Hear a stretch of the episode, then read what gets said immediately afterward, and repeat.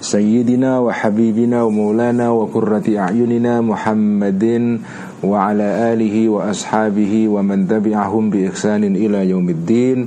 رب اشرح لي صدري ويسر لي أمري واحلل عقدة من لساني يفقه قولي. رب زدنا علما وارزقنا فهما. آمين يا رب العالمين. أما بعد. Para teman-teman sekalian, eh, malam ini kita akan kembali ngaji kitab Faisalut Tafriqah Bainal Islami wa Zandaqah karya Imam Al-Ghazali. Uh, mari kita mulai ngaji ini seperti biasa dengan hadiah Al-Fatihah kepada junjungan kita Nabi besar Muhammad sallallahu alaihi wasallam kepada para istri-istrinya, keluarganya, para sahabat tabi'in dan tabi'ut tabi'in dan kepada para al-auliya asyhada as-salihin al-muallifin wal musannifin uh, khususan ila ruhi sultanil auliya Asyamdul Qadir al-Jilani kepada al-Imam al-Ajun al-Baghdadi wa al Akbar Muhyiddin Ibni Arabi. Juga kita hadiahkan Al-Fatihah kepada Hujjatul Islam Abi Hamid Al-Ghazali sahibil Ihya wa sahibi Tafriqah Qaddasallahu asrarahum Wa nawwara dharaihahum Wa damurkatihim Wa nafa'ana bi'ulumihim. Hadiah Al-Fatihah kita kirimkan kepada para pendiri ulama pendiri jamiah jamiah Islam di Indonesia terutama jamiah Nahdlatul Ulama. Wabil khusus kepada Khadratus Syekh Hashim Asy'ari Mbah Khalil Bangkalan Kiai Abdullah Hasbullah Kiai Bisyu Sansuri Kiai Wahid Gusdur Kiai As'ad Kiai Ma'sum Kiai Ali Ma'sum Kiai Abdullah Salam Kiai Sal Mahfuz. Hadiah Al-Fatihah juga untuk ayah saya Kiai Abdullah Rifai. Mak saya Ibu Nyai Siti Salamah Ibu saya Ibu Nyai Fatmah Kepada Mbah Bishri dan semua guru-guru kita, sahabat-sahabat kita, teman-teman kita yang sudah mendahului kita semua. Dan hadiah Al-Fatihah kita kirimkan secara khusus untuk uh, bule atau bibi dari salah satu santri online kita Mas Aris Triwidodo yang baru saja meninggal semoga diampuni segala kesalahan-kesalahannya dibalas segala kebaikannya لهم جميعا الفاتحة. أعوذ بالله من الشيطان الرجيم. بسم الله الرحمن الرحيم. الحمد لله رب العالمين الرحمن الرحيم. مالك يوم الدين. إياك نعبد وإياك نستعين. اهدنا الصراط المستقيم. صراط الذين أنعمت عليهم غير المغضوب عليهم ولا الضالين. آمين. Bismillahirrahmanirrahim. Qala al-muallif rahimahullahu ta'ala Wa nafa'na bihi Wa nafa'na bi'ulumi fitarini Amin. Rabbi Yassir Wa'in. Kita akan membaca kitab Faisalut Tafriqah halaman 69 Ya betul ya.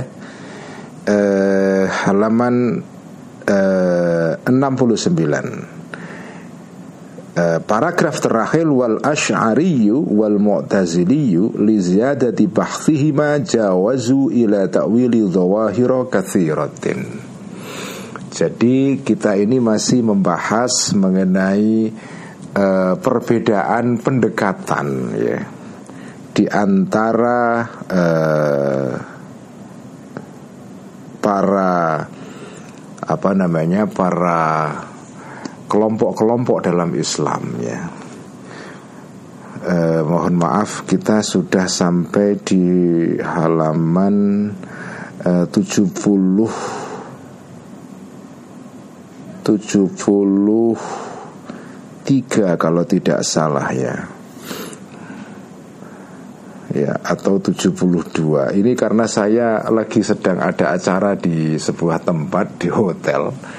Ada rapat PBNU jadi uh, saya tidak ngaji dari rumah ini. Saya ngaji dari hotel uh, disertai dengan Mbak Admin. Uh, dan saya lupa membawa kitab. Jadi saya ini ngajinya pakai PDF ya. Halaman 73 betul ya halaman 73 jadi kita kemarin bagian terakhir yang penting untuk digarisbawahi dari pertemuan sebelumnya itu ada penegasan dari Imam Ghazali uh, tentang uh, bahwa meskipun kelompok-kelompok dalam Islam ini menggunakan apa ya pendekatan yang berbeda-beda ada yang menggunakan takwil banyak ada yang menggunakan takwil sedikit seperti uh, madhab uh, Ahmad ibnu Hambal ada yang tengah-tengah seperti madhab Ash'ariyah Yang diikuti oleh sebagian besar umat Islam di dunia saat ini Termasuk di Indonesia Warga Nahdlatul Ulama itu mengikuti akidah Ash'ariyah ya. Nah akidah Ash'ariyah ini ciri-cirinya adalah e, berada di tengah-tengah ya Secara substansi akidah Ash'ariyah itu akidah e, salaf itu salaf Bahkan Imam Ash'ari itu dalam berbagai kesempatan menyatakan bahwa beliau itu sebetulnya uh, akidahnya itu akidah Imam Ahmad ibnu Hambal. Artinya apa? Akidahnya umat atau kaum salaf, kaum kuno, kaum generasi awal dalam Islam. Yang dari kata salaf itu kemudian muncul istilah salafi ya. Jadi akidah asyariah itu akidah salafi dari sudut substansinya jadi ini teman-teman NU yang mengikuti akidah asyariah juga harus sadar bahwa sebetulnya secara substansi akidah asyariah ini akidah salafi. Akidah mungkin istilah salafi kurang tepat ya. Akidah itu salaf ya. Karena beda antara kata as-salaf dengan salafi. Kalau as-salaf itu nama generik ya, nama umum untuk generasi awal dalam sejarah Islam yang dianggap sebagai generasi terbaik yang merupakan panutan termasuk dalam bidang akidah itu. Tetapi kalau sudah menjadi istilah salafi itu istilah khusus untuk menamai kelompok tertentu. Sudah eksklusif itu ya. Jadi kalau salaf itu lebih generik Ibarat obat gitu kalau kata salaf itu ya obat generik itu Tidak ada mereknya. Begitu istilah salafi dipakai itu merek bagi produk tertentu. Ah, di situ sudah mulai perdebatan muncul itu ya. Tapi kalau istilah salaf itu umum ya. Akidah Asy'ariyah itu adalah akidah salaf ya. Cuma di dalam mempertahankan, menjelaskan, me, apa ya, merumuskan ya, itu menggunakan pendekatan yang rasional ya. Karena Imam Ash'ari ini dulunya pengikut Mu'tazilah ya. Meskipun belakangan beliau sudah meninggalkan akidah Mu'tazilah sebagai substansi tetapi sebagai metode. Nah, ini dibedakan ya antara substansi dengan metode. Substansinya akidah asyariah adalah akidah salaf. Akidahnya generasi awal dalam Islam. Apa intinya akidah salaf? Intinya akidah salaf adalah ithbatus sifah. Itu yang membedakan antara akidah salaf dengan para filosof jadi uh, uh, akidatus salaf itu intinya adalah itsbatus sifah lillahi taala. Menetapkan, menisbahkan sifat-sifat kepada Allah. Jadi Allah itu punya sifat. Ya. Allah itu punya sifat. Karena kelompok yang lain seperti Mu'tazilah itu uh, apa ya? mengingkari adanya sifat Allah ya atau mereka punya punya punya definisi dan penjelasan dan pengertian yang berbeda mengenai sifatnya Allah itu. Jadi kaum Mu'tazilah itu berada di seberangnya orang-orang salaf karena mereka tidak mengakui adanya sifat bagi Allah. Sifat sebagai sesuatu yang independen di luar Allah sebagai zat itu. Karena orang Mu'tazilah itu mengatakan sifatnya Allah itu ya zatnya Allah. Jadi sifat dan zat jadi satu ya. Jadi makanya orang Mu'tazilah itu kalau menerangkan sifat Allah itu e, mereka menjelaskan begini, Allah itu Allahu alimun. Ya Allah itu Maha tahu. Fi ilmin huwa zatuhu. Allahu alimun fi ilmin huwa zatuhu. Allah itu Maha mengetahui dengan pengetahuan yang itu merupakan zatnya itu sendiri. Jadi sifat itu ya zat Zat itu apa? Zat itu ya substansinya sesuatu ya Nah kalau akidah asyariah mengatakan ya sifat ini tidak identik dengan zat ya tidak jadi satu dengan zat tapi juga tidak terpisah dari zat ya. agak rumit memang waktu saya masih di pondok dulu juga memahami konsep sifat di dalam akidah asyariah itu juga rumit ya jadi sifat itu tidak identik dengan zat Tapi juga tidak berbeda sepenuhnya dari zat itu Tengah-tengah itu ya Ya, tapi keterangannya nanti panjang. Tapi intinya intinya akidatus salam itu adalah isbatus sifat, menetapkan menganggap bahwa Allah itu punya sifat atau berkeyakinan bahwa Allah itu punya sifat. Itu intinya akidah salaf. Itulah akidah yang diikuti oleh uh, pengikut um, apa akidah asyariah. Cuma bedanya dengan kaum salaf ya dengan orang-orang salafi pengikut akidah asyariah ini menggunakan metode yang rasional. Jadi akidahnya salaf tapi jalannya itu jalan yang mengikuti orang kholaf. Kholaf itu generasi belakangan, generasi modern lah kira-kira gitu ya. Makanya ciri khas orang-orang Asyariah itu memang ya tengah-tengah menggabungkan antara dua hal ya. Jadi misalnya ya akidah Asyariah ini eh, apa ya tentu saja iman kepada eh, apa itu kepada sifat-sifat Allah, tetapi cara menjelaskannya menggunakan akal. Ya. Jadi tidak sepenuhnya akal ditinggalkan itu, tapi juga akal tidak di uh, dianggap sebagai satu-satunya jalan sehingga meninggalkan uh, sama sekali uh, penjelasan atau keterangan yang berasal dari wahyu. Nah, itulah sifat dari akidah asyariah itu ya. Nah, di dalam keterangan sebelumnya dijelaskan bahwa apa pun perbedaan di antara para firqah-firqah kelompok-kelompok dalam Islam ini wa kaifa makana fala yambaghi an yukaffira kullu fariqin khasmahu. Setiap kelompok itu tidak boleh mengkafirkan kelompok yang lain. Ya. Itu nggak boleh ya. Karena apa? Selama mereka pemahamannya di dalam koridor lima kemarin yaitu apa dalam koridor lima konsep mengenai wujud kemarin yang sudah saya jelaskan berkali-kali ada wujud zati, wujud hissi, khayali, akli, syabahi. Selama cara firqoh-firqoh ini memahami sifat Allah itu di dalam koridor lima konsep mengenai wujud ini semua oke, okay.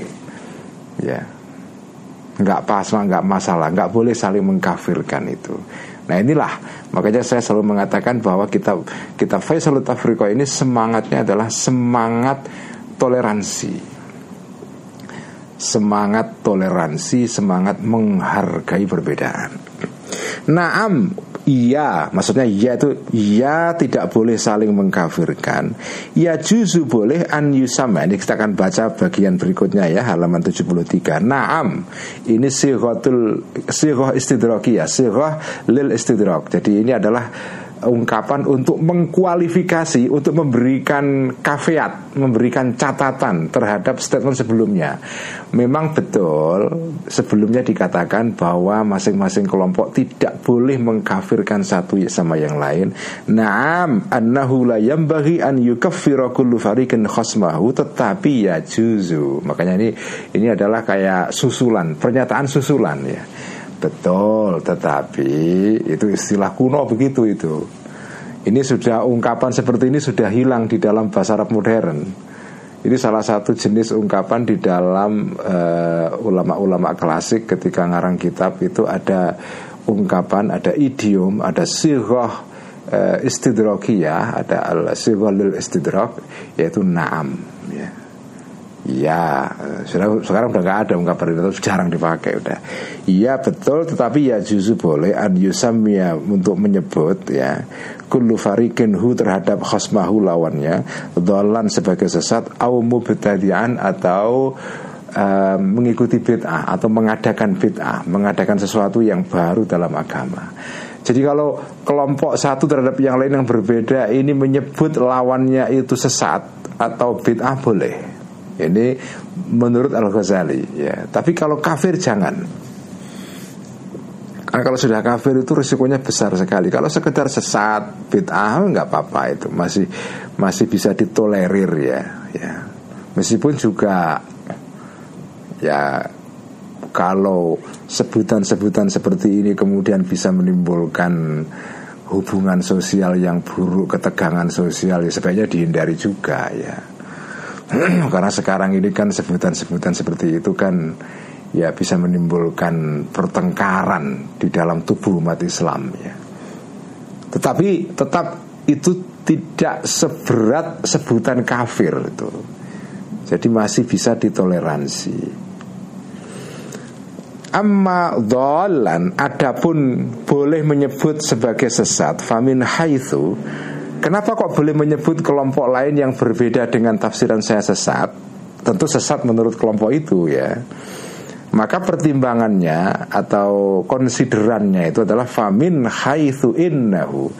Maka dari sudut sesungguhnya uh, khosmahu ini lawannya dia yang berbeda ini dhalla sesat atau apa ya melenceng anitoriki dari jalan indahu. Nah ini apa itu yang perlu digarisbawahi di stabiloi itu adalah indahunya ini. Menurut farikin menurut kita dia sesat ya. adapun menurut Allah sesat atau tidak kita nggak tahu. Indahu makanya ini dikasih kualifikasi dikasih keterangan tambahan dalam Ghazali ini. Indahu sesat menurut dia menurut Allah kita tidak tahu kita serahkan kepada Allah ya. Inilah kerennya Al-Ghazali ini ya. Kerennya Al-Ghazali ini. Kayak gini kok disebut sebagai sumber kemunduran Islam itu gimana itu?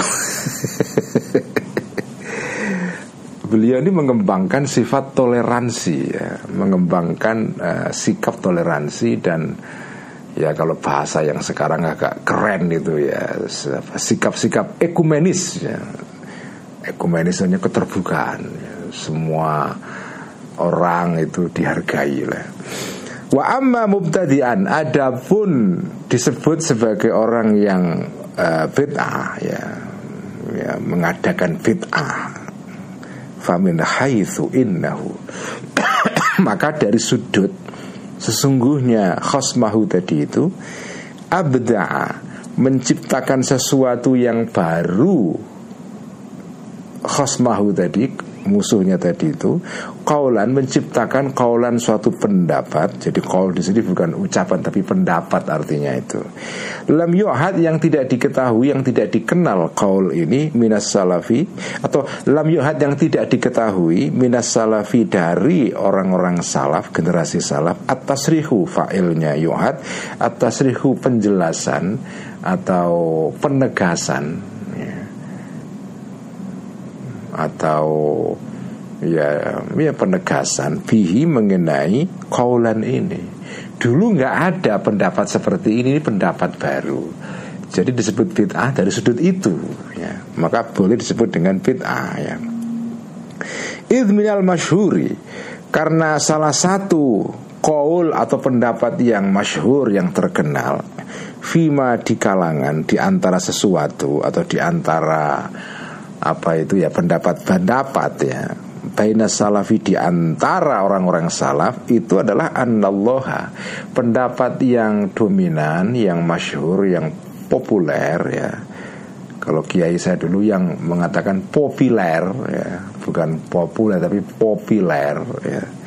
Baina salafi di antara orang-orang salaf analloha ya uh, apa namanya mubtada muakhar minal masyri khabar muqaddam annallaha sesungguhnya Allah taala itu yurab bisa dilihat. Itu pendapat yang masyhur di antara para orang-orang salaf itu adalah Allah bisa dilihat. Allahu yura.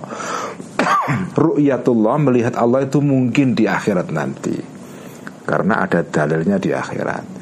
Tetapi orang Mu'tazilah mengingkari ini Nah, dalam segi bahwa orang-orang Mu'tazilah itu berpendapat tentang sesuatu atau mengadakan pendapat yang dulu tidak pernah dikatakan orang-orang salaf, artinya dia membawa pendapat baru itu boleh disebut bid'ah dari sudut ini ya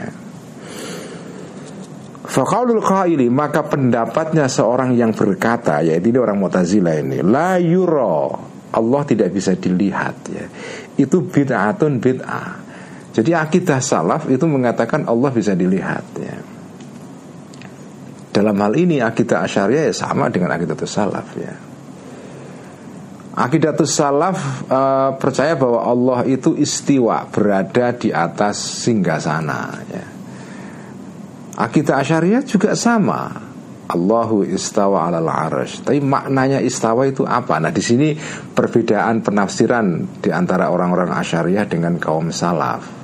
Tapi sama-sama mengakui atau ithbatul istiwa lillahi ta'ala bahwa Allah itu mempunyai sifat istiwa berada di atas arasnya sehingga sananya itu. Watasrihu dan mendeklarasikannya atau men, mem, berterus terangnya eh, apa namanya koil orang yang berpendapat tadi itu orang Mu'tazilah bitawilir ru'yati dengan ini kalau di sini bukan Mu'tazilah ini ya. Ini adalah Asy'ariyah. Bitawili ru'yati dengan mentakwili ru'yah ya. Atau ini Mu'tazilah ini, Mu'tazilah bukan Asy'ariyah ini. Orang Mu'tazilah itu ketika berhadapan dengan ayat dalam Al-Qur'an yang menjelaskan bahwa Allah itu bisa dilihat ya. Jadi wujuhun yauma idzin nadhirah ila rabbiha nadhirah. Itu dalam Quran begitu ditegaskan wajah-wajah muka-muka orang-orang yang beriman besok ini adalah wajah-wajah yang bersinar. Ila rabbiha nazira bisa melihat Tuhan itu.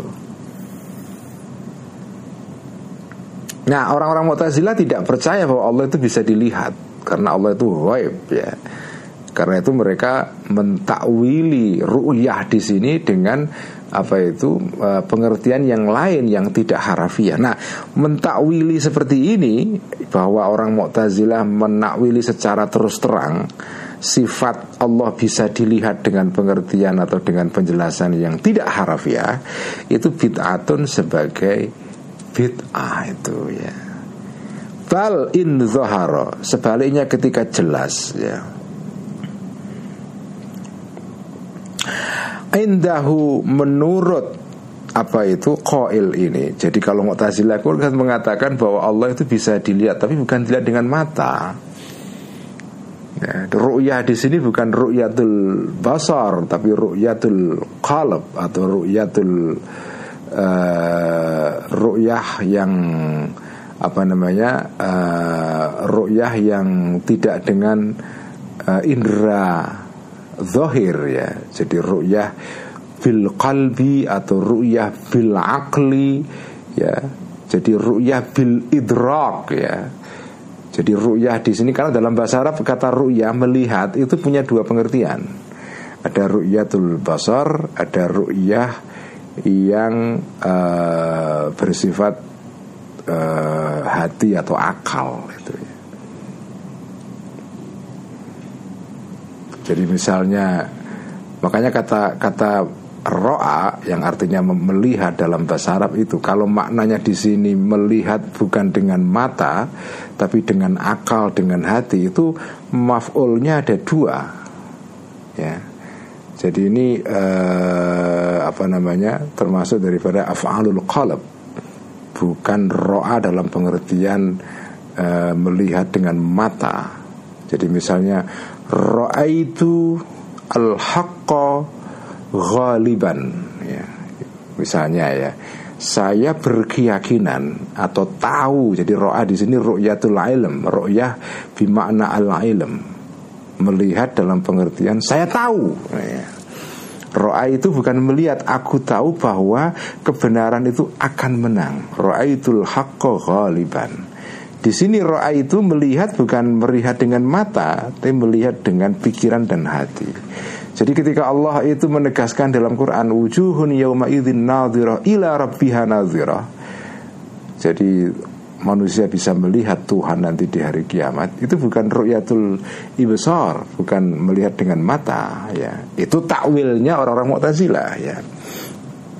Jadi kalau bal in bal sebaliknya ketika jelas Indahu bagi qail ini anna tilkar ru'yata. Sesungguhnya melihat di dalam ayat tadi itu Itu maknaha maknanya ru'yah.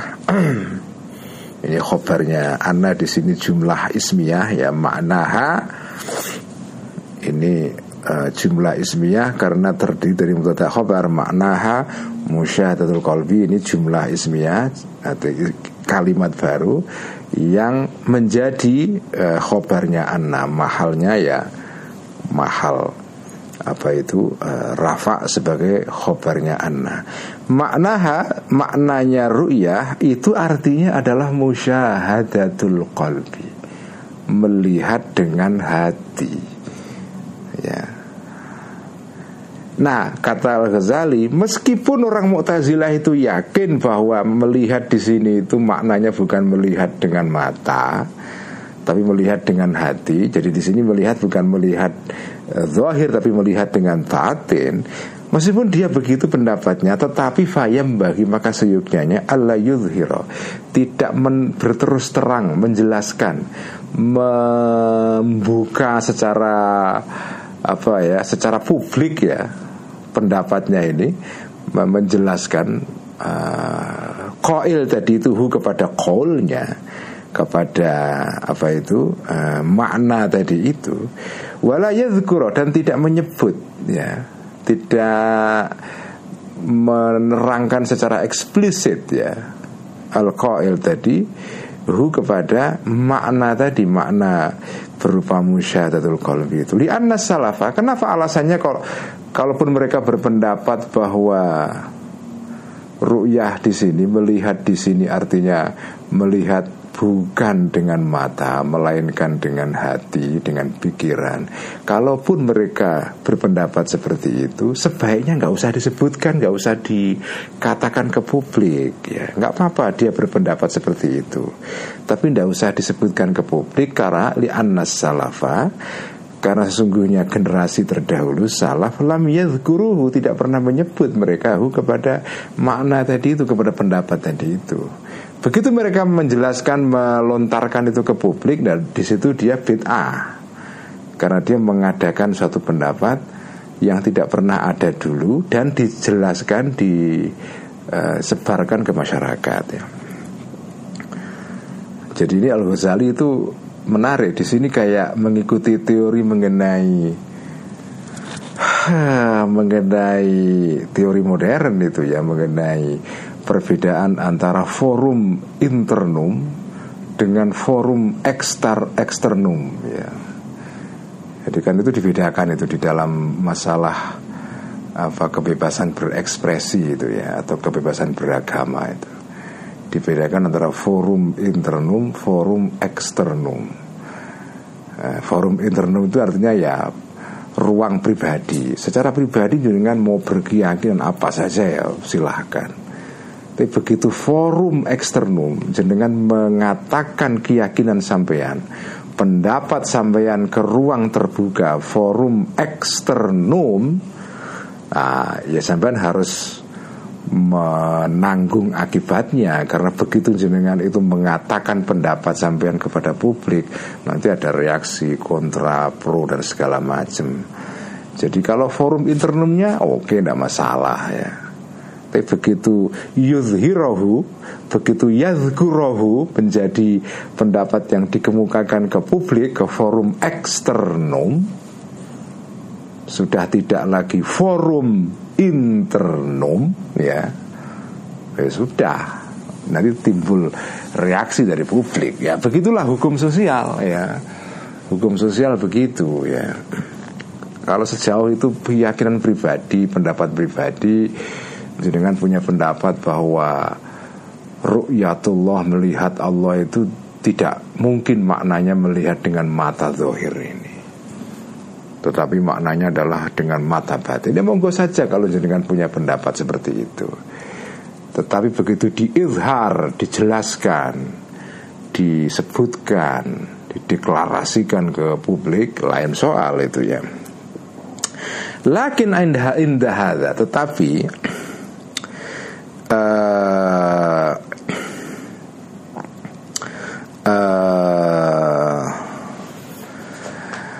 Tetapi ketika ini ya dalam hal ini yaitu masalah ya sifat ini ya indah hadza dalam apa itu atau di dalam hal ini yaitu zikr tadi itu atau izhar indah hadza indah hadzal izhar wa zikr ya tetapi dalam hal mengatakan secara eksplisit kepada publik ini Yaqulu berkata Alhamdulillah Orang yang mengikuti akidahnya Imam Ahmad Ibnu Hanbal.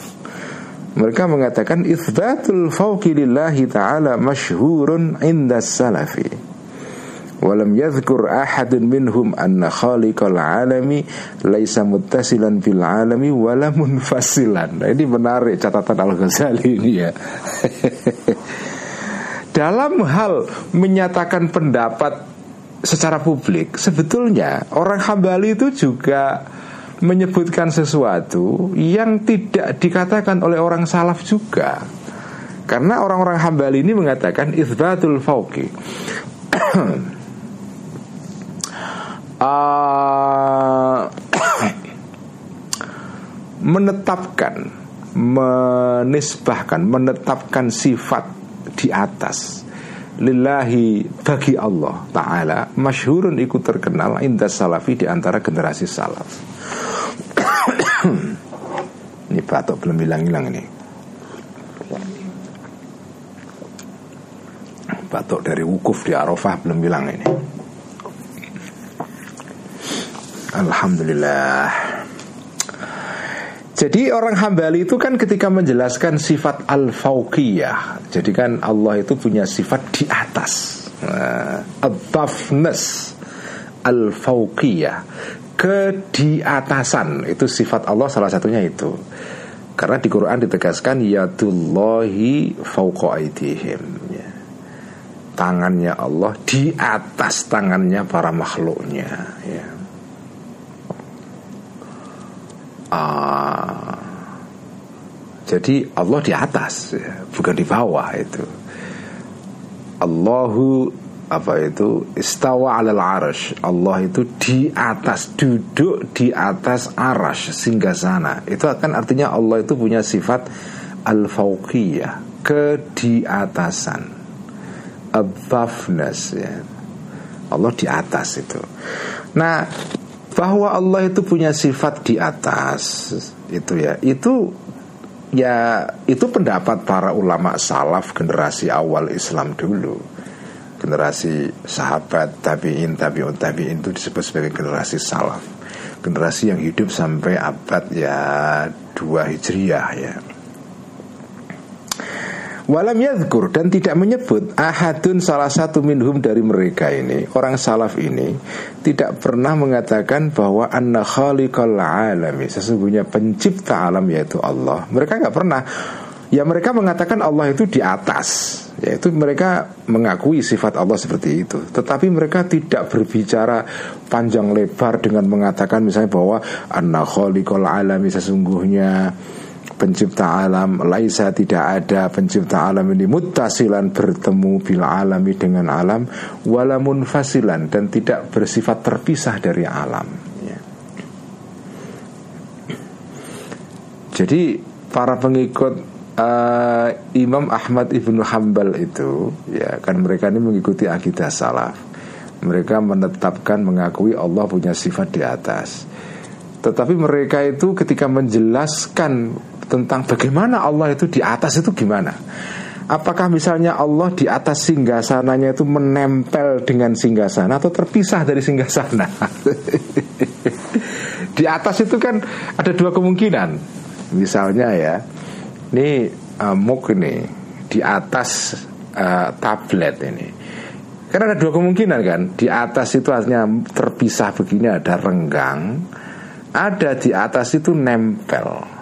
Nah, jadi ketika Allah dikatakan Allah di atas alam raya ini Allah itu di atas, di langit itu. Itu artinya Allah itu nempel dengan alam atau terpisah dari alam? Nah orang-orang yang apa ya mengikuti akidahnya Imam Ahmad ibnu Hambal Sebagian ketika mereka menjelaskan sifat Fokiyah ini di atas ini Itu menjelaskan begini. Kalau ditanya apakah di atas artinya nempel atau tidak nempel Mereka mengatakan ya tidak nempel, ya tidak tidak nempel. tidak nempel dan tidak terpisah maksudnya ya. Terus gimana penjelasannya ya tidak tahu kita. Nah, penjelasan bahwa Allah itu di atas dalam pengertian nempel juga tidak, terpisah juga tidak. Penjelasan seperti itu, tambahan seperti itu, itu tidak ada di kalangan salaf. Bahwa Allah itu di atas, ya, itu sifat yang diakui oleh generasi salaf. Tapi menjelaskan, menjelanterehkan, dowo-dowo seperti itu, itu tidak dikenal di antara orang salaf. Jadi penjelasan seperti itu oleh pengikutnya Imam Ahmad itu ya bid'ah juga karena nggak ada dalam kaum salaf itu. Wala dakhilan dan juga tidak ada di dalam Wala kharijan dan tidak di luar. Di atas itu gimana? Apakah di atas itu Di dalam alam raya ini? Tapi di atas ya. Atau di luar alam raya ini? Allah di atas itu Allah tetap di dalam alam raya ini Atau di luar alam raya? Nah mereka mengatakan ya tidak di dalam, ya tidak di luar. Wa annal jihati dan sesungguhnya arah ya. Sesungguhnya arah-arah itu tata yang enam. Khaliyatun sepi Anhu atau tidak ada ya lepas anhu dari Allah. Allah tuh nggak mengenal arah ya. Jadi kan dijelaskan begitu. Para pengikut akidah salaf itu kan ketika menjelaskan Allah itu di atas. Itu gimana penjelasannya? Di atas itu nempel dengan objek yang di bawahnya atau terpisah ya. nempel atau terpisah itu di dalam sesuatu atau di luar sesuatu ya. Allah itu punya arah atau tidak Karena kalau disebut arah atas itu kan Atasnya itu sebelah kanan atau kiri ya. Depan atau belakang Nah arah itu nggak ada, nggak dikenal pada Allah. Wa anna nisbata jihati faukin dan sesungguhnya menisbahkan melekatkan arah atas ilaihi kepada Allah itu kanisbati jihati tahtin seperti melekatkan arah bawah sebagaimana Allah tidak bisa disifati di bawah Allah juga tidak bisa disifati ada di atas itu. Ya. Nah, ucapan seperti ini ya, itu adalah fahada, ucapan seperti ini adalah kaulun pendapat, ucapan mubtadaun yang diada-adakan artinya baru tidak ada pada zaman generasi salaf. Idil bid'atu karena sesungguhnya artinya bid'ah secara substansi itu adalah ibaratun suatu ungkapan an ikhdathi maqalatin dari mengadakan pendapat baru ghairi ma'thuratin yang tidak pernah didengar anis salafi dari generasi salaf. Itulah maknanya maknanya bid'ah. Jadi kalau jenengan menjelaskan sifat atasnya Allah itu dengan penjelasan jelentreh-jelentreh seperti tadi itu itu bid'ah juga. Karena orang salaf dulu juga nggak pernah membahas begitu.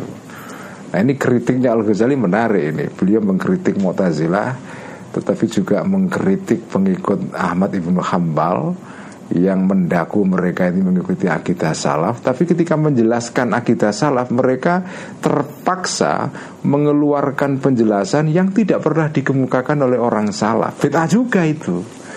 Jadi kalau jenengan mengatakan asyariyah bid'ah karena tidak pernah karena mengatakan sesuatu yang tidak pernah diadakan oleh generasi salaf Nah, kan kan Asyariah ini juga dituduh oleh teman-teman Wahabi Salafi itu bid'ah juga karena apa? Karena mereka ini ketika menjelaskan dan mempertahankan akidah salah menggunakan pendekatan akal seperti orang Mu'tazilah itu bid'ah. Oke, itu kata Al-Ghazali ya. Oke, kalau itu jenengan sebut bid'ah. Orang-orang pengikutnya Imam Ahmad Ibnu Hambal juga sama. Ketika menjelaskan sifat-sifatnya Allah, mereka kan mengikuti akidah salaf, tapi ketika menjelaskannya itu juga mengadakan sesuatu yang baru yang tidak pernah diadakan atau dikatakan oleh generasi salaf. Bid'ah juga. Podo mawon itu kira-kira begitu ya. Makanya nggak usah ya saling menuduh lah ya buk-buk podo wae janjane gitu Wa indah dan ketika inilah ketika keterangan ini sudah jelas ini ya tadihu menjadi jelas laka bagi engkau.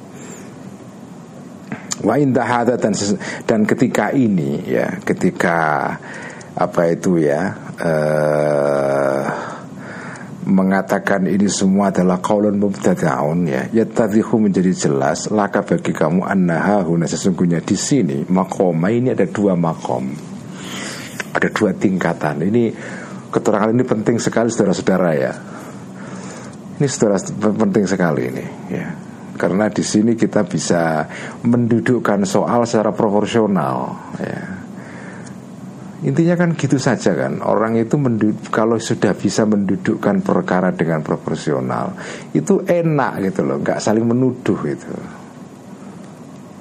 Tapi kalau tidak mengerti duduk soal ya. Gak ngerti duduk soal Itu ya sering kelira-keliru itu. Sering berpendapat yang apa ya tidak tepat menyalah-nyalahkan orang lain yang berbeda dengan dia. Nah, jadi dalam hal ini itu ada dua makom, ada dua level. Ahaduhuma salah satu dari makom ini atau makom yang pertama adalah ma'awamil khalqi bersama makhluk pada umumnya, makhluk-makhluk yang awam itu ya.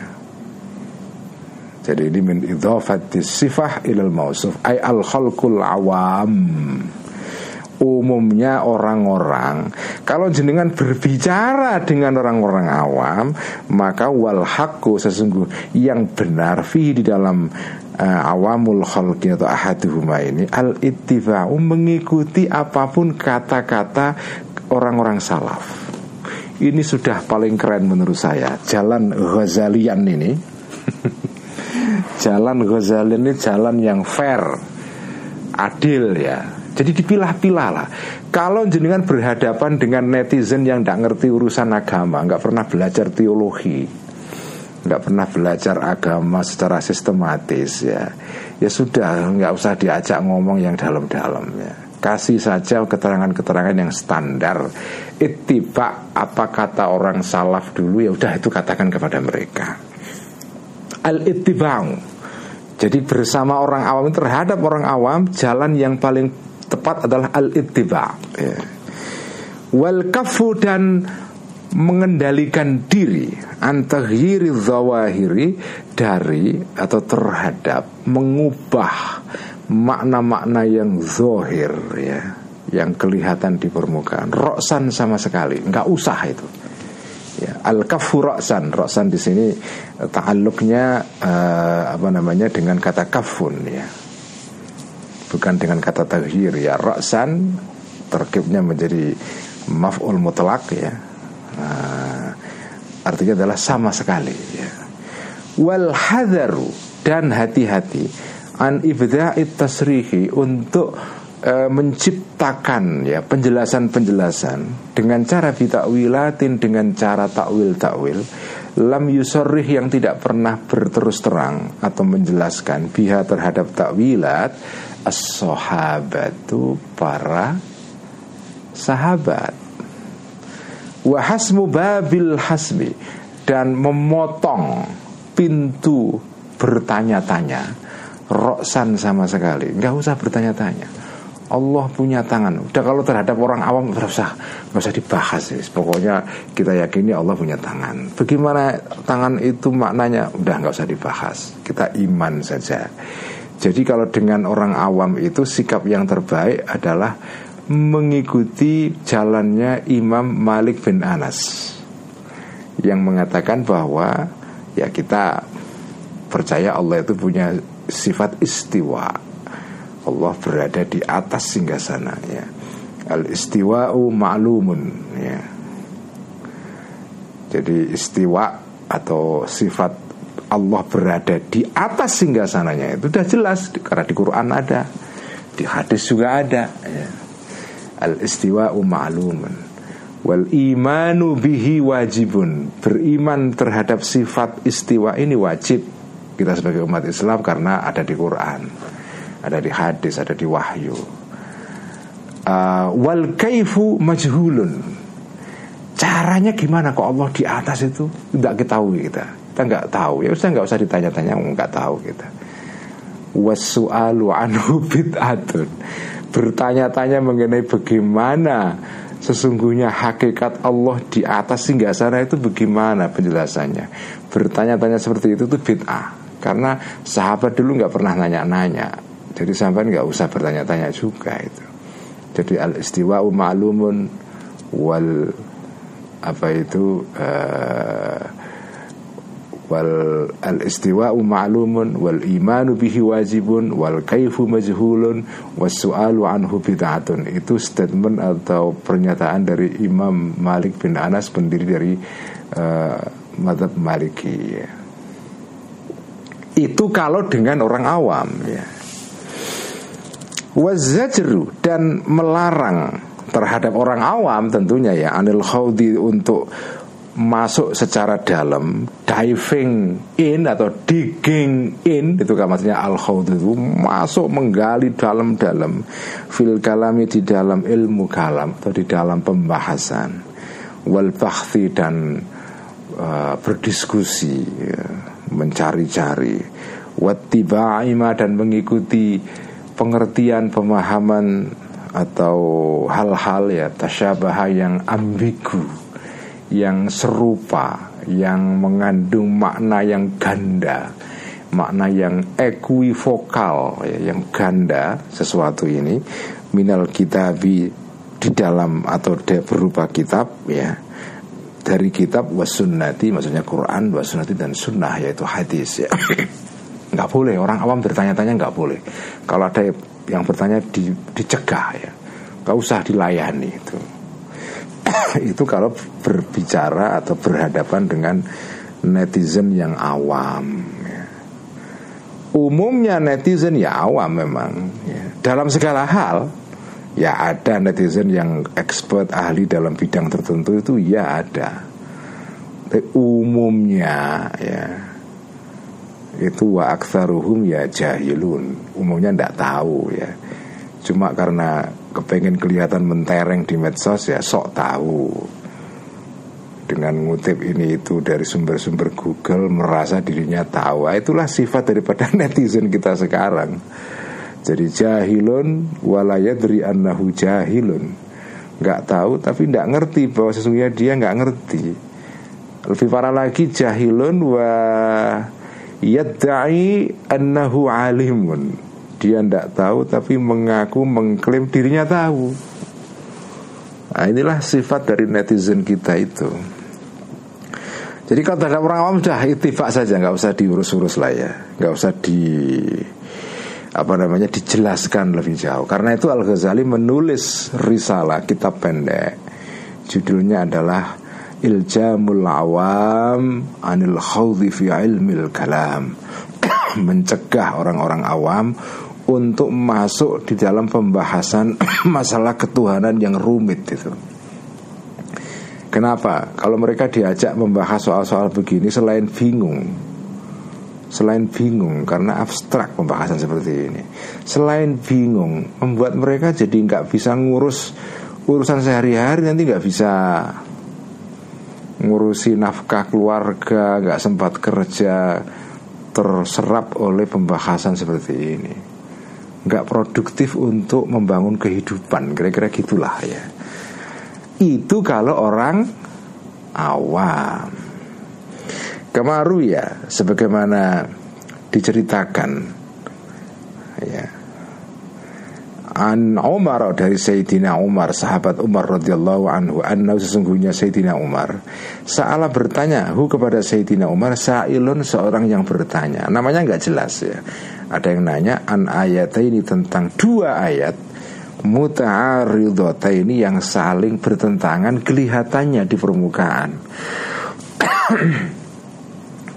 Fa'ala Maka Apa itu mengangkat tinggi-tinggi Sayyidina Umar atau mengatasi Sayyidina Umar hu kepada Sa'il ini. Artinya kemudian dia mengangkat uh, bidiroti dengan uh, teken dengan apa namanya dengan tongkat itu. Artinya apa? Langsung di disodori tongkat itu. Kamu kalau nggak diem tak pukul kamu. Kira-kira gitu ya.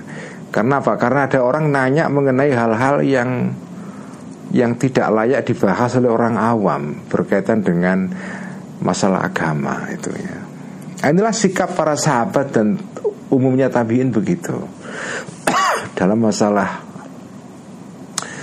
agama yang rumit itu ya. Itu memang kalau dengan orang awam itu sebaiknya udahlah nggak usah dibahas dalam-dalam itu orang awam itu yang penting iman dengan penjelasan sederhana aja ya yang penting kan amalnya itunya jadi iman itu sederhana saja yang penting adalah tindakan nyatanya dan karena agama itu yang paling penting justru amalnya itu Meskipun tentu amal tidak bisa apa ya bernilai kalau nggak ada imannya. Tetapi yang menjadi tujuan akhir goalnya agama itu adalah amal, tindakan nyata.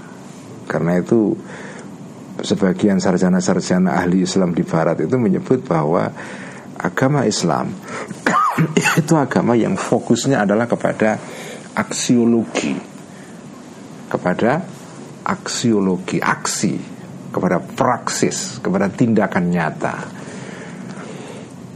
Iman itu penting jelas ya, tetapi tetapi ujungnya iman itu adalah atau buahnya iman itu yang paling penting. Apa itu tindakan nyata?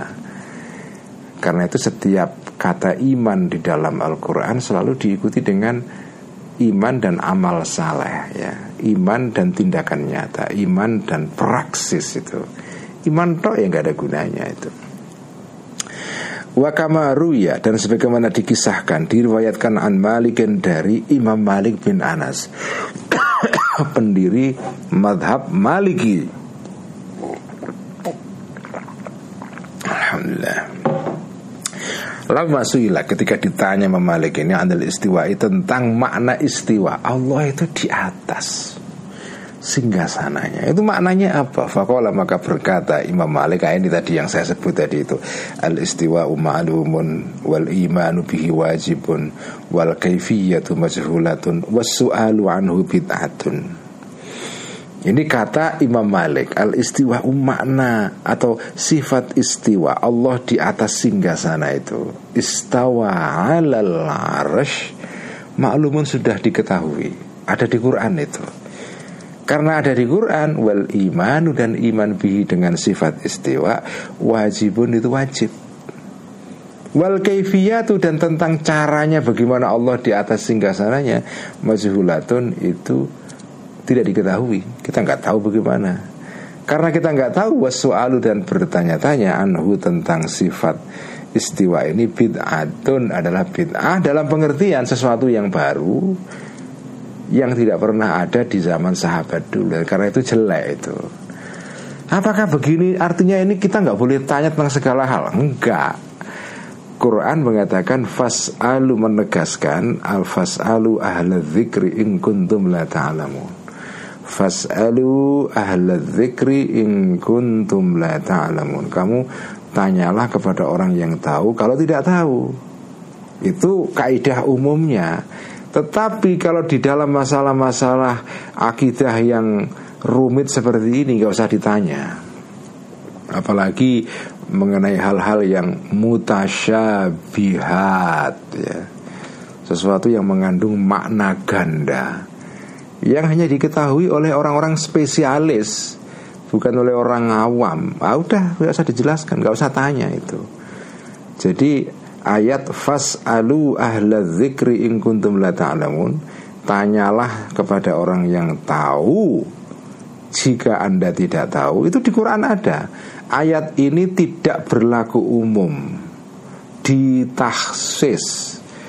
Tahsisnya dengan cara apa? Dengan akal. Karena boleh mentaksis Quran dengan akal. Kita tahu bahwa tidak semua hal harus ditanya Memang kalau tidak tahu nanya itu itu kaidah dasarnya, tapi itu tidak berlaku dalam semua hal. Ada hal-hal yang dikecualikan. Karena itu ayat ini itu uh, amun tapi qabilun lit taksis ya. Ini ayat yang maknanya umum tetapi dia ditaksis. Dia mengandung perkecualian itu hanya ditaksis itu, dikhusus dikhususi ya. Bisa di uh, bisa diberikan penjelasan karena ada sesuatu yang dikecualikan dari kaidah umum ini.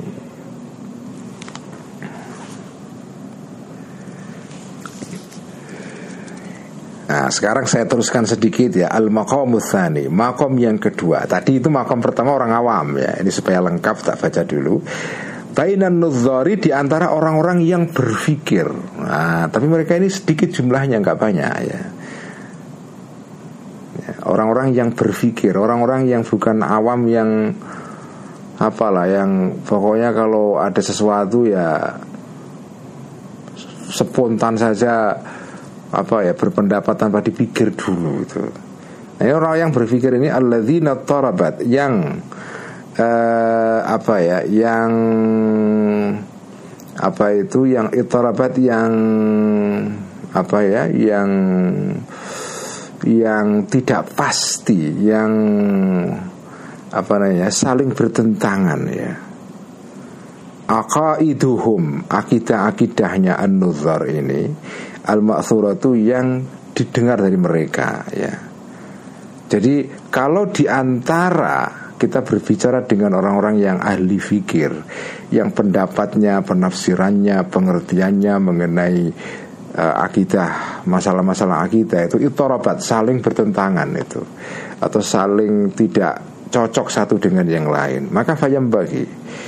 Maka seyogianya an yakuna ada bahtuhum pembahasan atau diskusi atau penelitiannya an-nuzar ini adalah biqadri darurati dengan sekadar kebutuhan saja.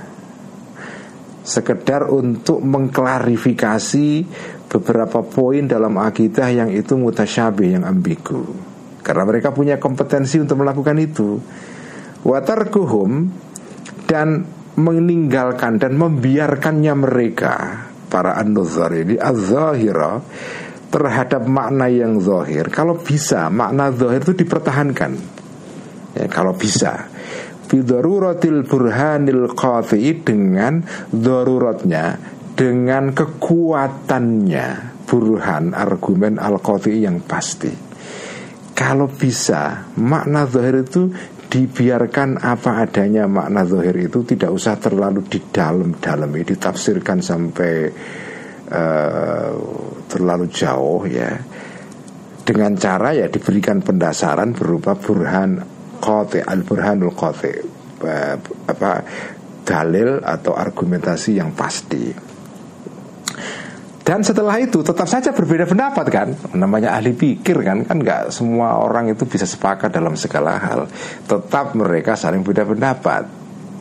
Tetapi meskipun beda pendapat Kalau bisa Pendapatnya itu ya dibatasi Sampai ke hal-hal yang Secukupnya saja lah. Nggak usah terlalu berlebihan. Sampai diskusinya berlarut-larut itu. Itu nanti juga Membingungkan umat juga itu walayam bagi dan tidak seyogianya an yukafiro saling mengkafirkan ba'dum sebagian dari nuzar ba'dum terhadap yang lain. Sesama kaum pemikir jangan saling mengkafirkan. Bi an yaro dengan cara melihat berpandangan. Nah di sini ru'yah itu bukan ru'yah bil basar ya bukan ru'yatul basar tetapi lihat dalam pengertian apa namanya penglihatan berupa penglihatan akal ya. Bian yaro dengan cara berpandangan ba'duhum ini hu kepada ba'dhan ghalitan sebagai orang yang salah fima dalam hal ya tak itu yang menekatkan ba'dun ini uh, apa itu hu terhadap ma burhanan sebagai burhan ya dia menganggap yang lain lawannya salah karena itu kafir itu tidak boleh itu fa inna dzalika karena sesungguhnya takfir laisa tidak ada dzalik ini amron perkara hayinan yang gampang yang remeh sahlal mudraki yang gampang dalilnya nggak mudah mengkafirkan orang itu. Jadi sekali lagi kitab Faisal Tafriqah ini kitab anti takfiri. Ya. Ini kitab anti takfiri ini. Penting banget kitab ini, apalagi untuk zaman sekarang, zaman di mana kecenderungan takfiri itu meluas di masyarakat. Tidak semua sih, sebagian masyarakat itu ada itu ya. Sekian ngaji Faisal malam ini Semoga kita dapat pelajaran yang bermanfaat dari kitab ini Dan kita bisa, yang penting ini ya Mengamalkan ya. Mengamalkan. Mari kita tutup ngaji Faisal malam ini dengan bacaan Salawat Tibil Qulub اللهم صل على سيدنا محمد طب القلوب ودوائها وعافية الأبدان وشفائها ونور الأبصار وضيائها وعلى آله وصحبه وسلم. اللهم صلِّ على سيدنا محمد طب القلوب ودوائها وعافية الأبدان وشفائها ونور الأبصار وضيائها وعلى آله وصحبه وسلم. اللهم صلِّ على سيدنا محمد طب القلوب ودوائها. وعافية الأبدان وشفائها ونور الأبصار وضيائها وعلى آله وصحبه وسلم. Sekian Wassalamualaikum warahmatullahi wabarakatuh. Terima kasih Mbak Sa'diah Ma'ruf Kang Oman Mbak Dian Mbak Titi Razak. Salam untuk Kiai Moksid Nurun Mbak Nidia Mbak Eli